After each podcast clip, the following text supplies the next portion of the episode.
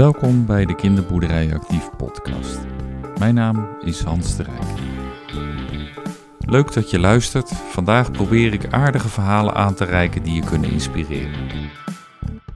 Eens per drie weken maak ik een podcast met onderwerpen waar je als betrokkenen bij het kinderboerderijwerk al luisterend in korte tijd bijgepraat wordt over mogelijkheden, wetenswaardigheden en mooie verbindingen die je kan bereiken met de buurt.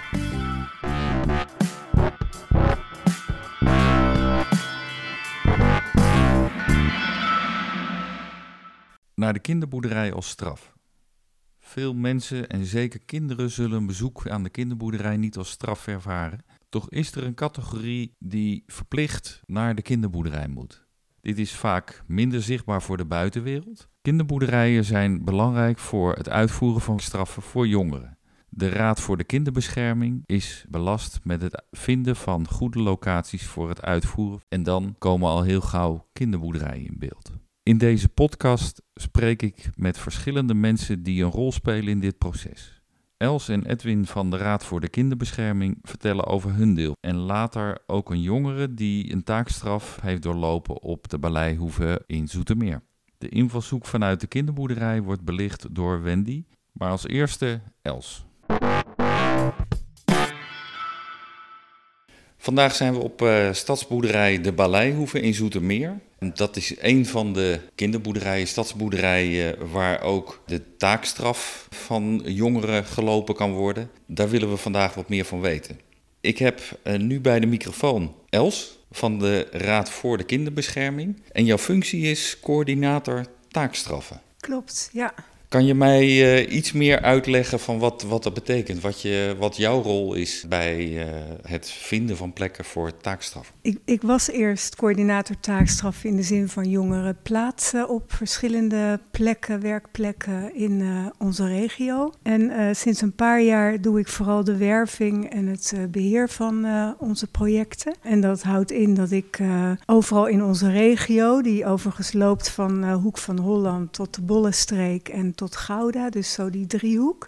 Daar ben ik uh, bezig om uh, werkplekken te vinden voor jongeren die een taakstraf hebben. Mm -hmm. En dan met name organisaties uh, motiveren om ja, jongeren die in hun omgeving wonen en die een delict hebben gepleegd om die te helpen geen recidive meer te plegen en uh, de, de, blik op de toekomst te richten. Komen allerlei organisaties daarvoor in aanmerking? Uh, iedereen die het wil, kan een plek worden? Nou nee, want wij uh, willen eigenlijk nog steeds dat jongeren op werkplekken werken waar niet commercieel oogpunt is. Dus dat zij ook geen werkplek in beslag nemen van jongeren die een baantje zoeken bijvoorbeeld. Maar mm -hmm. ook niet willen we dat ze tussen aanhalingstekens gebruikt worden om het goedkoper te maken voor de werkgever. En nu heb ik nooit een, een, een taakstraf uh, moeten vervullen, maar op welke manier krijgen jongeren een taakstraf uh, opgelegd? Hoe, hoe werkt dat? Ja, de, ze doen iets, dan worden ze door de politie uh, aangehouden, wordt een proces verbaal gemaakt, behalve bij um, schoolverzuim, want daar krijgen jongeren ook een taakstraf. En dan wordt er een proces verbaal gemaakt door de leerplichtambtenaar. Mm -hmm. Maar bij de, um, bij de meeste delicten gaat het dus zo dat ja, ze worden aangehouden, dus vaak worden ze ook gelijk na het verhoor in de cel uh, voor een nachtje gedaan. Ouders worden dan vaak ook geïnformeerd, maar het kan ook zijn dat ze gewoon uh, weer naar huis gestuurd worden en later uh, alsnog bij de officier van justitie komen. En um, die uh, vraagt uh, advies aan de Raad voor de Kinderbescherming om, uh, om te kijken van wat, wat, wat voor straf of wat moet er hier gebeuren met de jongeren. Het mm-hmm. kan ook zijn dat er van alles aan de hand is met een jongere en dat er dus ja, ook onderzoek gedaan moet worden in de zin van wat, wat is er in dit leven van deze jongen of meisje aan de hand. En uiteindelijk geeft de Raad voor de Kinderbescherming advies aan de officier van justitie, kan ook aan de kinderrechter zijn. En uh, ja, dat advies uh, kan dan ook een taakstraf zijn. Op het moment dat er een taakstraf wordt geadviseerd, wordt er ook meestal wel bijgezegd het, een leerstraf of een werkstraf. Een leerstraf houdt in dat een jongere ja, iets gaat leren in een training. Bijvoorbeeld een jongere die met alcohol op, uh, op auto's is gaan lopen. Die krijgt dan een leerstraf die gaat over alcoholgebruik. En als een jongere een werkstraf krijgt, dan uh, wordt hij naar onze af, dan stroomt hij door naar onze afdeling, taakstraffen. En daar uh, zitten uh, acht van mijn collega's en die hebben dan met een jongere een gesprek. En dan kijken we vooral in, die, in dat intakegesprek van wat kan jij, wat, wat is je motivatie, wat voor opleiding doe je, hoe gaat het met je, om te kijken van wat is nou een goede werkplek voor jou. Ja, een goede match dat, dat het echt wel past. Want, want, want, want wat is nou een beetje de gemiddelde duur van de, de, de, de straf? Ja, de, nou de, uren? We zeggen altijd het gemiddelde is 40, maar het zit tussen de 10 en de 200 uur. En, en jij gaf aan van nou, uh, jij bent van een bepaald gebied in Zuid-Holland, maar dit is ook landelijk, zijn er allerlei regio's die hetzelfde doen als jullie? Ja, ja. Klopt. Um, nu zijn kinderboerderijen misschien een van de plekken waar uh, taakstraffers uh, aan de slag kunnen. Zijn er in jouw gebied uh, veel kinderboerderijen die een plek bieden? het zijn er natuurlijk nooit genoeg, want mm we hebben echt, echt behoorlijk veel plekken nodig. En een kinderboerderij is ook een hele goede plek voor jongeren om te werken. Waarom maar, is dat misschien juist zo'n goede plek? omdat er vaak al heel veel structuur is, omdat de kinderboerderijen vaak al ook jongeren hebben met een dagbesteding of mensen met een dagbesteding. Dus er wordt al gewerkt met cliënten tussen aanhalingstekens. En er is een hele duidelijke structuur van we zijn zo laat hier, om zo laat gaan we koffie drinken, uh, de klussen worden verdeeld. Ja. Het is heel duidelijk wat er gedaan moet worden. En we vinden het een stimulerende omgeving voor jongeren. Hoeveel kinderboerderijen zijn in jullie gebied een plek waar het kan? Het zijn er denk ik zo 15. 15. Ik weet het niet precies, maar... Nou, en als ik het dan inschat in dat gebied, dan zitten er denk ik wel 40 kinderboerderijen. Oké. Okay. Dus dan ligt daar nog wel een uitdaging, eh, denk ik, eh, voor kinderboerderijen om het eens te overwegen uh, ja. als plek te dienen ja. voor het uh, vervullen van een werkstraf. Kijken jullie ook of de werkstraf en hetgeen uh, de jongere heeft gedaan en, en, dan de werkstraf op de kinderboerderij, of dat niet strijdig is. Ja, ik weet niet precies hoe ik het ja, moet noemen. Ja, nou, als maar... er sprake is van dierenmishandeling, mm -hmm. dan denken wij niet dat een jongen veel van dieren houdt. Dan gaan we die ook niet plaatsen op een kinderboerderij. Nee. Ik ken heel veel kinderboerderijmensen. Die zijn ook educatief gericht. Dus daar zit misschien al wel die match die jij zei van nou, je weet hoe je met mensen om kan gaan. Als kinderboerderijmensen toch zeggen van nou, ik zou er wel iets meer handgrepen over willen horen, weten of hoe werkt het nu?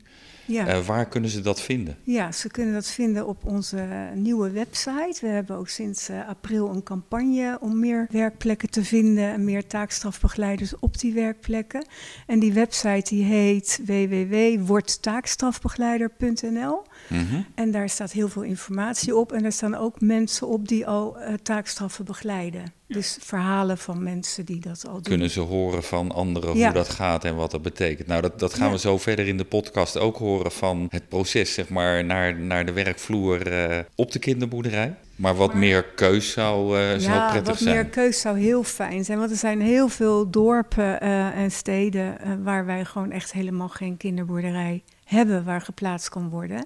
En dat heeft ook te maken met het feit dat er dan alleen maar vrijwilligers werken, bijvoorbeeld. Ja. Ja. Maar waar, waar mensen in een professionals werken, ja, dat zou geweldig zijn. Ja. Nou, dan gaan we met deze podcast hopelijk een beetje beweging inbrengen. Ja, dat zou Dat is in ieder geval mijn zijn. idee. Uh, dank voor, uh, voor dit stukje van het uh, proces van de taakstraf op, op de kinderboerderij. Oké, okay, graag gedaan. Succes. Zoals je van Els hoort is het best een zoektocht om geschikte plekken te vinden. Els gaf het al aan, meer informatie is te vinden op www.wordtaakstrafbegeleider.nl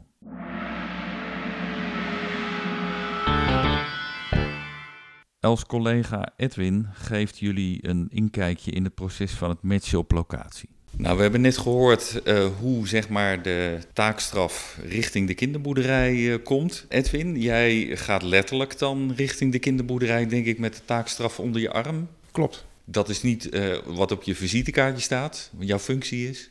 Ook ik ben coördinator taakstraffen mm -hmm. en plaats jongeren op de werkplekken die, die Els geworven heeft, onder andere.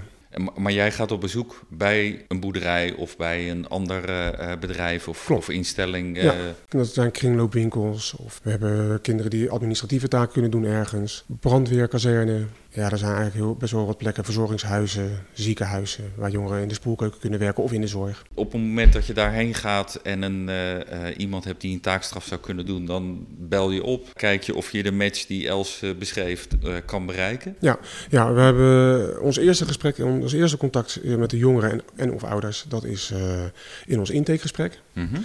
En dat is eigenlijk een heel belangrijk gesprek om de matching te maken. Ja. Om te kijken waar kunnen de jongeren nou het beste plaatsen.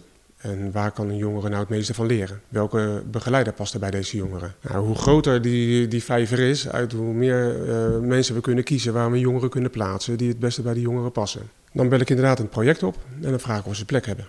Nou, hebben ze wel plek, dan gaan we visite met de jongeren en dan gaan we het gesprek aan. Het kennismakingsgesprek hebben ze geen plek, want dat ligt altijd aan, de, aan, de, aan het project zelf. Van, die hebben daar gewoon het laatste woord in. Van ja, we kunnen wel jongeren hebben, of we hebben het gewoon te druk, of we hebben gewoon nu geen ruimte. Ja, dan gaan we niet. Nou, dan krijgen we een ja, dan uh, maken we een afspraak. Uh, proberen dat een beetje af te stemmen op de schooltijden van de jongeren bijvoorbeeld. Want we proberen zo min mogelijk in de weg te zitten met de positieve dingen die een jongere in zijn leven heeft. Dus ja, dus als ze sport hebben, dan ga je niet juist op dat uh, moment van de sport. Nee, nee, klopt. Of een bijbaantje, dan een jongere daar uh, vrij voor moet nemen. Of misschien zegt dat een jongere misschien zegt, joh, ik heb een taakstraf. Dat, die, ja, dat de baas zegt van, joh, nou, dat, dat wist ik niet. Nee. Het was gezellig, maar hier houden we op bijvoorbeeld. Een, een jongere kan het eigenlijk ongemerkt volbrengen. Redelijk anoniem, klopt, ja. Dus dat is een mogelijkheid. Dan hebben we daar het gesprek met de jongeren om kennis te maken. En met de, een van de begeleiders of de contactpersoon. Want ik hoorde je ook de ouders uh, zeggen dat die ja. erbij uh, betrokken zijn. Ja, in het intakegesprek eigenlijk bijna altijd. Behalve mm -hmm. als een jongere een bepaalde leeftijd heeft. Dus we hebben best wel wat jongeren die 18 plus zijn ook.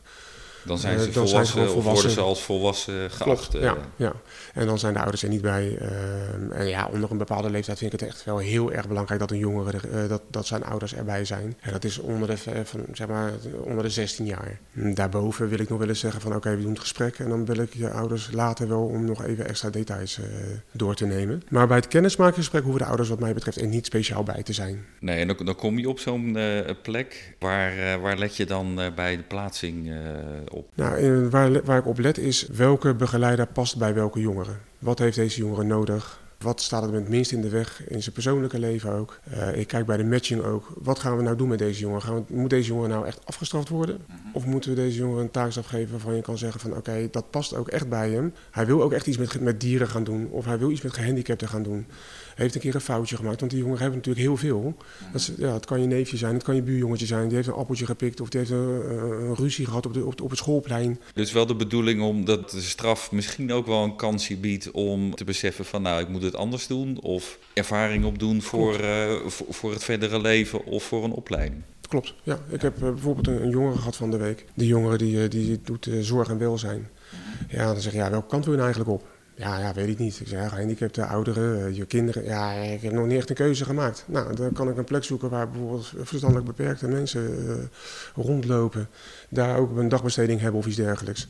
Ja, en dan komen ze daarmee in aanraking. Ja, ja. Ze zeggen, of ze zeggen, nou, nooit meer van mijn leven. Of ze zeggen misschien, dat heb ik vorige, ja, toevallig uh, een halfjaartje geleden meegemaakt. Nou, helemaal de bom. Fantastisch dit. En sterker nog, houd daar een bijbaantje aan over op de zaterdag. Ja, dat, ik vertel nu wel een enorme krent uit de pap natuurlijk, want we moeten niet denken dat het bij iedere jongere zo is. Nee, maar het nee, gebeurt maar zeker dit, regelmatig. Dit, dit, maakt jouw werk, naast dat je op heel veel verschillende plekken uh, komt, denk ik uh, ook leuk dat je ziet dat het uh, ook een effect voor later heeft. Vooral leuk, absoluut. Ja. Dat is er ook wel een beetje waar het voor doet eigenlijk. Ja. Nu, nu is de match gemaakt. Meestal gaat het goed, denk ik, het vervullen van de, de taakstraf. Groot deel wel. Maar stel dat het niet goed gaat. Wie lost het op? Nou, vaak is dat toch de verantwoordelijkheid van de jongeren of de ouders. Mm -hmm. Of de hulpverlener die, die daar zit, zeg maar, die er ook bij zit. Nou, wij werken met een bepaald sanctioneringssysteem. Uh, als een jongere die moet allerlei regels nakomen. Op tijd, op tijd komen, komen niet met je telefoon zitten pielen. Een goede ziekmelding als je ziek bent of afmelding als er iets, aan de, iets aan de hand is. Ruim van tevoren afgemeld zijn. geen vriendjes meenemen naar de, werk, naar de werkplek. Mm -hmm. nou, dat soort regels. Daar hebben we één, één heel A4'tje van voor ze, die ze door kunnen nemen. Uh, gaat dat mis, dan krijgen ze een officiële waarschuwing. Uh, wij noemen dat ook een gele kaart, omdat het een beetje hetzelfde werkt als met voetbal. Uh, overtreding gemaakt, krijg je een gele kaart. Nog een ja. keer een overtreding. Maar hier is geen VAR in de buurt, toch? Nee, nee. dat dan weer niet. Ehm, na de gele kaart weer een overtreding krijgen ze een rode kaart. Bij een officiersmodel is dat je dan, dan naar de rechter moet. Ben je al bij de rechter geweest, betekent dat gewoon jeugddetentie. Elke twee uur taakstraf staat voor één dag zitten. 40 uur is, is drie weken zitten bijna. Wat wil je nou? Acht, dat is, dat is een heel vier, leven voor, uh, voor een, puber zeker. Ja, absoluut. Ja. ja. dat hebben we van de week toevallig geleerd in een uh, ja, wij waren bij dezelfde uh, ja. lezing en dan begint volgens mij, als ik het goed heb onthouden, het leven van een, een puber pas op 12. En dan is drie weken ongeveer een heel leven. Zo dus, ongeveer wel, ja. ja. Dat dus hebben wij al redelijk vaak meegemaakt, ja. die drie weken. Maar eh, voor hun is dat een heel andere... Ja, dus dan, dan heeft het nog meer impact, die drie weken in het vooruitzicht. Absoluut, ja. Als de taakstraf klaar is, goed volbracht, dan is de straf afgerond voor de jongeren? Klopt, dan uh, wij rapporteren dat terug naar de officier van justitie. En dan uh, ja, krijgt de jongeren en de ouders krijgen daar een bericht van. En dan hebben we nog een, een, een kort eindgesprek, waarin we nog even doornemen, joh heb je nou veel verschil gezien in de begeleiding? Ik hoor dat je de beheerders hier van de boerderij aardig goed kent. Nou gaat René bijna met pensioen, dus ook hier willen ze denk ik wel weten... waar moet een goede begeleider aan voldoen? Dat weet jij. Ja, nou dat hoop ik te weten in ieder geval. Uh, nou, Wendy is zeker wel een goede hoor, uh, ook, uh, dus die hier ook op de boerderij ik, werkt. Ik zal het tegen haar zeggen als ik er spreek. Ja, een goede begeleider, je moet echt wel iets met kinderen hebben, maar anders werk je ook niet op een kinderboerderij denk ik. Mm -hmm. belangrijk om duidelijkheid te geven aan de jongeren en, en goed aan te voelen denk ik wat een jongere nodig heeft. De ene keer is de arm, de andere keer kan je hem wat strenger toespreken of haar. We vinden het heel belangrijk dat wij ook goed in contact kunnen blijven met de, met het, met de eh, contactpersoon, de begeleider. En vooral ook aangeven met, wel, met welke kinderen en uh, welk delict heb jij, zeg maar, kan jij het beste uit de voeten. Uh, wat past er ook bij jou uh, als begeleider? Dus als, als begeleider moet je niet alleen aanhoren, maar ook aangeven waar je misschien goed in bent of minder ja. goed in bent. Ja, want daar proberen we natuurlijk altijd wel weer rekening mee te houden. Ook, in, dus voor zover het kan natuurlijk. Volgens mij een, een aardig beeld hoe het zeg maar nadat het opgelegd is naar de praktijk gaat en wat er in de praktijk mee gebeurt. Oké. Okay. Dankjewel Edwin. Natuurlijk is het goed om de ervaringen te horen van een jongere die zijn werkstraf heeft gedaan op een kinderboerderij. Ruben was gelukkig bereid om zijn verhaal te doen over de taakstraf die hij heeft doorlopen op de Beleihoeve in Zoetermeer. Mooi om te horen hoe heeft hij het ervaren. En heeft hij het ervaren als een straf? Aan de microfoon uh, heb ik Ruben. Uh, welkom op uh, ja, de plek waar je ook een periode terug de taakstraf hebt volbracht. En dat is eigenlijk de reden waarom we je gevraagd hebben van nou, kom eens mee praten in de podcast om jouw ervaring te horen. Ja, zeker. Want jij hebt op de Baleihoeve de taakstraf gedaan. Ja, klopt. Kom je uit Zoetermeer of daar verder omheen? Uh, nee, Moerkapelle, maar dat is uh, een kleine 20 minuten rijden. Dus dat is wel dat je het in de buurt ja, dat is wel de taakstraf ja. uh, kon doen? Ja, gelukkig wel. En hoe oud was je toen je de taakstraf opgelegd kreeg? Ik geloof dat ik 16 was toen. 16 of bijna 17. Nou, net hebben we van Edwin en Els gehoord van, nou, er zijn maten in, in de hoogte van de taakstraf. Hoeveel uur moest jij uh, de straf doorbrengen op uh, de Baleihoeve? 40 uur was dat. 40, 40 uur. Dat, ja. Dan was je ongeveer gemiddeld, als ik het goed heb onthouden wat Els zei. En dat heb je niet in één week gedaan. Nee, volgens mij ben ik daar anderhalf à twee weken mee bezig geweest. Dat is dan best wel snel. Want hoeveel uur deed je dan op een dag? volgens mij was het toen zes uur op een dag. In het weekend? Nee, weekend niet. Maandag tot vrijdag. Oké, okay. in de vakantie? Uh, ja, toen had ik, ja, toen was ik aan het wachten op mijn uh, examenuitslag. De, je tijd nuttig uh, besteed, zou je kunnen zeggen? Ja, eigenlijk wel, ja. Ja, het zorgde wel voor afleiding, eigenlijk. Was het ook een ervaring als straf voor jou? Niet per se. Het, was, het leek meer gewoon een beetje op vrijwilligerswerk. Ja, het was best wel leuk om te doen, maar je verdiende er geen geld mee. Dus dan, dan had je ook, als, je, als het niet moest, had je een andere keuze kunnen maken? Ja, zeker, ja. Uh, en, en je kon ook niet zelf de werktijden kiezen? Niet helemaal, maar daar waren ze op zich redelijk uh, soepel in. Wel met je meegedacht van ja, uh, ja. wat past er in, in de andere dingen die je wil doen of ja, kan zeker. doen. En welke ja, werkzaamheden moest jij hier doen? Um, in principe gewoon alles. Gewoon wat de werknemers hier ook deden, liep ik gewoon met hun mee. Poepscheppen? Ook, ja. Hoor je er ook bij. En, en in alle dingen die je ehm, moest doen, wat vond je erin het leukst of het minst leuke? Ik vond in principe alles niet zo heel erg om te doen. Je was gewoon lekker buiten bezig. Ja, kijk, het poep scheppen, dat is even jammer. Maar voor de rest ben je wel gewoon lekker de hele dag buiten bezig. Mhm. En dat, is, dat vind ik niet heel erg om te doen. Ja, dus daar komt misschien een beetje vandaan dat het minder voelde als straf alleen de keuze van het moment. Uh, ja, precies. Ja. Nu heb je de straf uh, hier op de boerderij gedaan en in de vakantie. Uh, de, de, de voorwaarden zijn ook dat je niet bij wijze van spreken met je vrienden op de plek af mag spreken. Heb je er wel eens met je vrienden over gehad hoe de ervaring was op de boerderij? Ja, zeker. Ja, een maatje van mij die had toen de tijd ook zijn taakstraf hier gedaan. En um, ja, daar hebben we het vaak zat eigenlijk over gehad. Je, je, maakt toch leuke dingen mee. Ja, dus eigenlijk is het een mooie ervaring voor jou geweest... Uh, waar je niet uh, stil over bent geweest, maar ook wel met anderen over hebt gehad. Ja, in principe wel, ja. Want in welke richting doe je een opleiding of heb je werk? Heeft dat um, nog een beetje met dieren te maken? Of? Nee, dat niet, maar wel buiten de vrijheid, zeg maar. Ik ben metselaar, dat is in de bouw. Mm -hmm. En daar heb je ook wel veel vrijheid buiten. En dat merkte hier ook wel.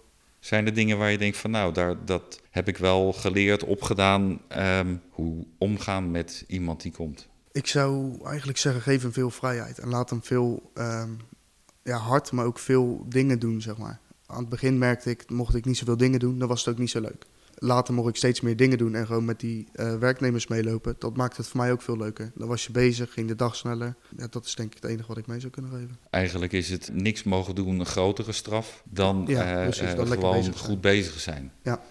Het moment dat je zeg maar gepakt werd, toen gebeurde er wat.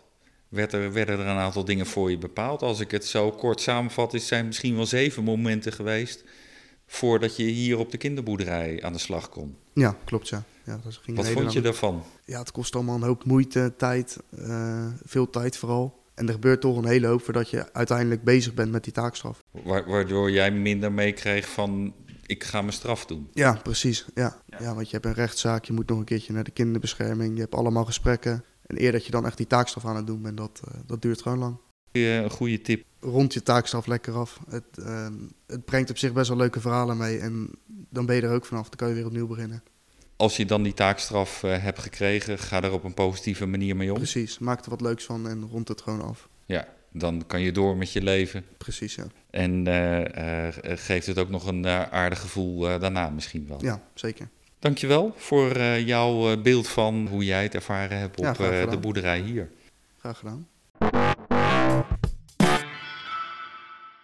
Verantwoordelijkheid krijgen voor het uitvoeren van een taakstraf is een kwestie van vertrouwen krijgen, maar ook van vertrouwen geven. Naar de Raad voor de Kinderbescherming zeker, maar ook naar de jongeren die bij jou op een kinderboerderij een taakstraf, een werkstraf komt doen.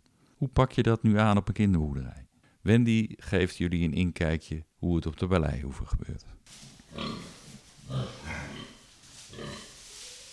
Nou, zoals jullie horen staan we in de stal. En in de stal heb ik uh, Wendy bij de microfoon, beheerder van uh, de Balleihoeve in Zoetermeer. Ja, sinds, uh, sinds twee jaar. Sinds twee jaar op de Balleihoeve? Op de Balleihoeve, ja. Maar wel al wel langer in het kinderboerderijwerk? Ja, heel lang. Ik denk al zo'n 28 jaar af en aan. Ik ben er ook tussenuit geweest voor het gezin. En ja, heel blij dat ik weer terug ben dan weet je ook vast wel meer met het werken met taakstraffers op de Balleihoeve. Want we hebben net Els en Edwin gehoord over hoe komen ze eigenlijk bij een kinderboerderij, in dit geval de Balleihoeve. Ook Ruben heeft zijn ervaringen verteld van hoe is het nou om een taakstraf op een kinderboerderij te doen. Ja, nou dat is natuurlijk hartstikke leuk om ook uh, door een ervaringsdeskundige iets te horen. Wij vinden het belangrijk om de jongeren een plek te geven waar ze zich uh, toch wel weer een beetje vertrouwen kunnen krijgen in de maatschappij en het samenwerken met uh, andere mensen. Dit kunnen zijn tot medewerkers van de boerderij, maar ook de stagiaires en de vrijwilligers die rondlopen. En op die manier ja, zorgen we dat ze helemaal bij het team betrokken worden. En dat ze dan ook weer het gevoel krijgen ergens bij te horen. Ja, dus je zou kunnen zeggen van nou, ze komen als ze hier uh, gematcht worden uh, in een warm bad, zijn onderdeel van alle, ja. alle mensen die uh, hier aan het werk zijn.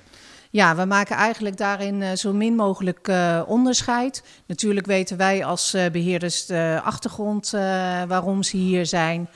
En verder uh, horen ze gewoon bij het team en draaien ze mee. En uh, ja, doen ze eigenlijk alles uh, wat andere mensen ook doen. Maar voor de, voor de kinderen en de andere vrijwilligers is het eigenlijk iemand die vrijwilligerswerk ja. komt doen, maar dan een aantal keer een paar uur. Ja, het is inderdaad gewoon een vrijwilliger die hier tijdelijk komt meedraaien. Weet ik niet of je daar direct een antwoord op hebt, maar hoeveel taakstraffers hebben jullie per jaar? Jongere taakstraffers? Ja, dat verschilt heel erg. We hebben uh, jaren gehad dat uh, zeg maar de een wegging en dat de ander kwam. Maar we hebben nu ook dat we bijvoorbeeld uh, één keer in het half jaar er eentje hebben. Ja. Dus ja, het is maar net of ze iemand hebben die ze goed kunnen plaatsen bij ons. Het, het moet wel passen en dan kijken jullie of het kan. Ja, zeker, zeker. En als ze hier komen, welke werkzaamheden bieden jullie aan dat een taakstraffer kan doen? Want voor mij klinkt het als ik hier sta tussen de varkens in de stal uh, logisch van nou, uh, het is uitmisten. Maar misschien dat sommige anderen die luisteren een idee willen hebben, oké, waar zet je ze mee aan het werk? Ja, nou ja, je moet het zo zien dat wij natuurlijk een heel bedrijf hebben. En daar zijn de dieren een heel groot onderdeel van. Uiteraard moeten de dieren gevoerd worden. De waterbakken moeten schoongemaakt en ververst worden. De stallen moeten uitgemest. Maar we hebben daarnaast ook gewoon een heel groot terrein. Uh, er moet gras gemaaid worden, er moet gesnoeid worden. We hebben een hele mooie beleeftuin, hè, die moet ook onderhouden worden. Uh, daarnaast hebben wij hier ook best wel veel ezelspaarden die ook gepoetst moeten worden, waarmee gelopen moeten worden. Ja, en dat is gewoon ook een hele fijne oefening, want je ziet dan ook gelijk bij de paarden dat uh, de jongeren soms uh, wat zelfvertrouwen missen en zo. En dat is dan heel mooi om daar samen met de paarden aan te werken. En als ze hier uiteindelijk weggaan, dan kunnen ze zelfstandig kunnen ze bijvoorbeeld wandelen met de pony. Nou, dat is hartstikke leuk om te zien. Als ik jouw uh, toelichting een beetje probeer te vertalen, dan zit daar een stukje passie en, en educatie in. wat je ook hoopt dat je over kan brengen op de, de jongeren die je de taakstraf doet. Ja, zeker, zeker. De jongeren die, ja, die draag ik zeker een warm hart Want ehm, ja, het kan natuurlijk zijn dat er best wel wat eh, bagage bij deze jongeren zit. Ja, en dan wil je ze toch zorgen dat, uh, ja, dat ze een beetje vertrouwen krijgen in de maatschappij. En dat wij daar een klein steentje aan bij kunnen dragen. Ja. dat vind ik gewoon heel fijn. En hebben jullie ook wel de ervaring dat als een jongere hier uh, zijn werkstraf heeft afgerond, dat hij nog een keertje terugkomt of blijft hangen of misschien wel vrijwilliger wordt? Nee, die ervaring hebben wij niet. Want uh, vanuit, vanuit ons zeggen ze dan wel van... goh, ik heb het wel heel fijn gehad en het was heel leuk. Maar ze zien het dan misschien toch wel als een uh, verplichting natuurlijk... omdat ze die uren moeten draaien. Ze weten dat ze altijd uh, welkom zijn om nog even een keer een bakje te komen doen... of eventjes te komen vertellen hoe het met ze is. Nou, Ruben heeft hier gelopen en die had in ieder geval ook positieve dingen hier ervaren op de boerderij. Ja, en wie weet, dat denk ik dan komen ze wel terug als ze later, als ze groot zijn, uh, kinderen hebben en denken: hé, hey, daar heb ik een mooie ervaring gehad. Dat ga ik met mijn kinderen eens bezoeken. Is geen straf. Nee, dat is, vind ik een hele mooie gedachte. Als jij nou medewerkers van andere kinderboerderijen zou een paar tips zou mogen geven. Nou ja, sowieso ben ik vanuit mijn persoonlijke uh, passie erg betrokken bij jongeren met uh, problemen en problematiek. Ik heb een opleiding tot kindercoach gedaan en een basisopleiding kinderpsychologie. Dus ja, voor mij is het al uh, gesneden koek en uh, wil ik ze een warm hart toedragen en ze erbij betrekken. Ik denk dat de eerste tip is, geef de kinderen wat mee. Hè? Zorg dat ze uh, bij het team horen. Zorg dat ze een plek hebben waar ze zich veilig voelen. Want dat is het allerbelangrijkste. Geef ze een veilige plek, want vanuit de veiligheid komt de groei. En dan zal je ook zien dat ze met plezier naar het werk toe gaan. Ja, en een tip misschien voor de omgang met de jongeren? Ja, ik denk dat het belangrijk is dat de relatie tussen de begeleider van de jongeren en tussen ons, dat dat heel belangrijk is. Het, het, het, grappige is eigenlijk, ik ben bovenaan begonnen toen de straf uitgedeeld werd. En iedere keer was het we kijken of er een match te maken is. En ik hoor jou eigenlijk hetzelfde zeggen als er een jongere hier komt. Dan zoek ik een plekje uh, waar het kan, een veilig plekje, maar ook in combinatie met anderen een ja. match.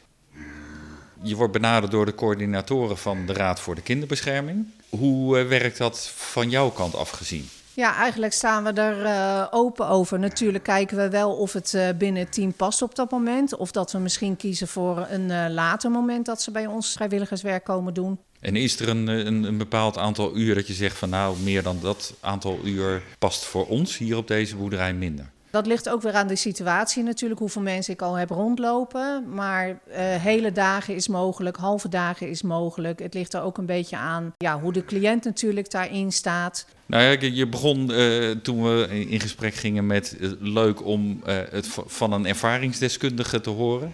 Dat bedoelde je Ruben mee, denk ik. Ja. Ehm, ik denk dat het voor anderen binnen de gemeente Zoetermeer ook leuk is om jou als ervaringsdeskundige uh, te horen en te kijken van hé, hey, wat kunnen wij er zelf mee? Dankjewel uh, Wendy voor het gesprek over uh, de jongeren die een werkstraf op de balei hoeven doen. Nou, heel graag gedaan. In een vogelvlucht zijn we in deze podcast langs het verhaal van taakstraffers, jongere taakstraffers op een kinderboerderij gelopen. De invalshoeken vanuit de Raad voor de Kinderbescherming, de ervaring van de taakstraffer zelf en ook het beeld van de kinderboerderij. Hopelijk heeft dit je een beetje een beeld gegeven van de vraag en de mogelijkheden. En nogmaals belangrijk om te kijken of je aan te melden via www.wordtaakstrafbegeleider.nl. Een tip: maak ook zichtbaarder voor je eigen organisaties of je collega's wat je doet in dit proces. Het is natuurlijk geen core business van de kinderboerderij, maar wel een zeer belangrijk iets en waardevol om zichtbaar te maken en aandacht voor te hebben. En misschien inspireer je de collega's of andere plekken wel weer mee om ruimte te bieden aan jongere taakstraffers.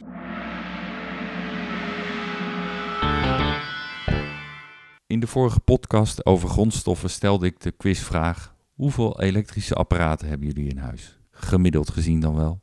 Het antwoord op deze vraag is gemiddeld zo'n 100. Ik heb antwoorden gekregen die lagen tussen de 70 en de 200 apparaten. Dus sommige zaten in de buurt, andere toch iets verder daarnaast.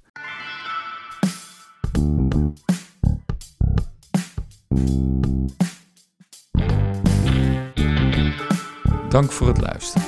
Als je vaker de Kinderboerderij Actief podcast wil horen, abonneer dan via de website Spotify.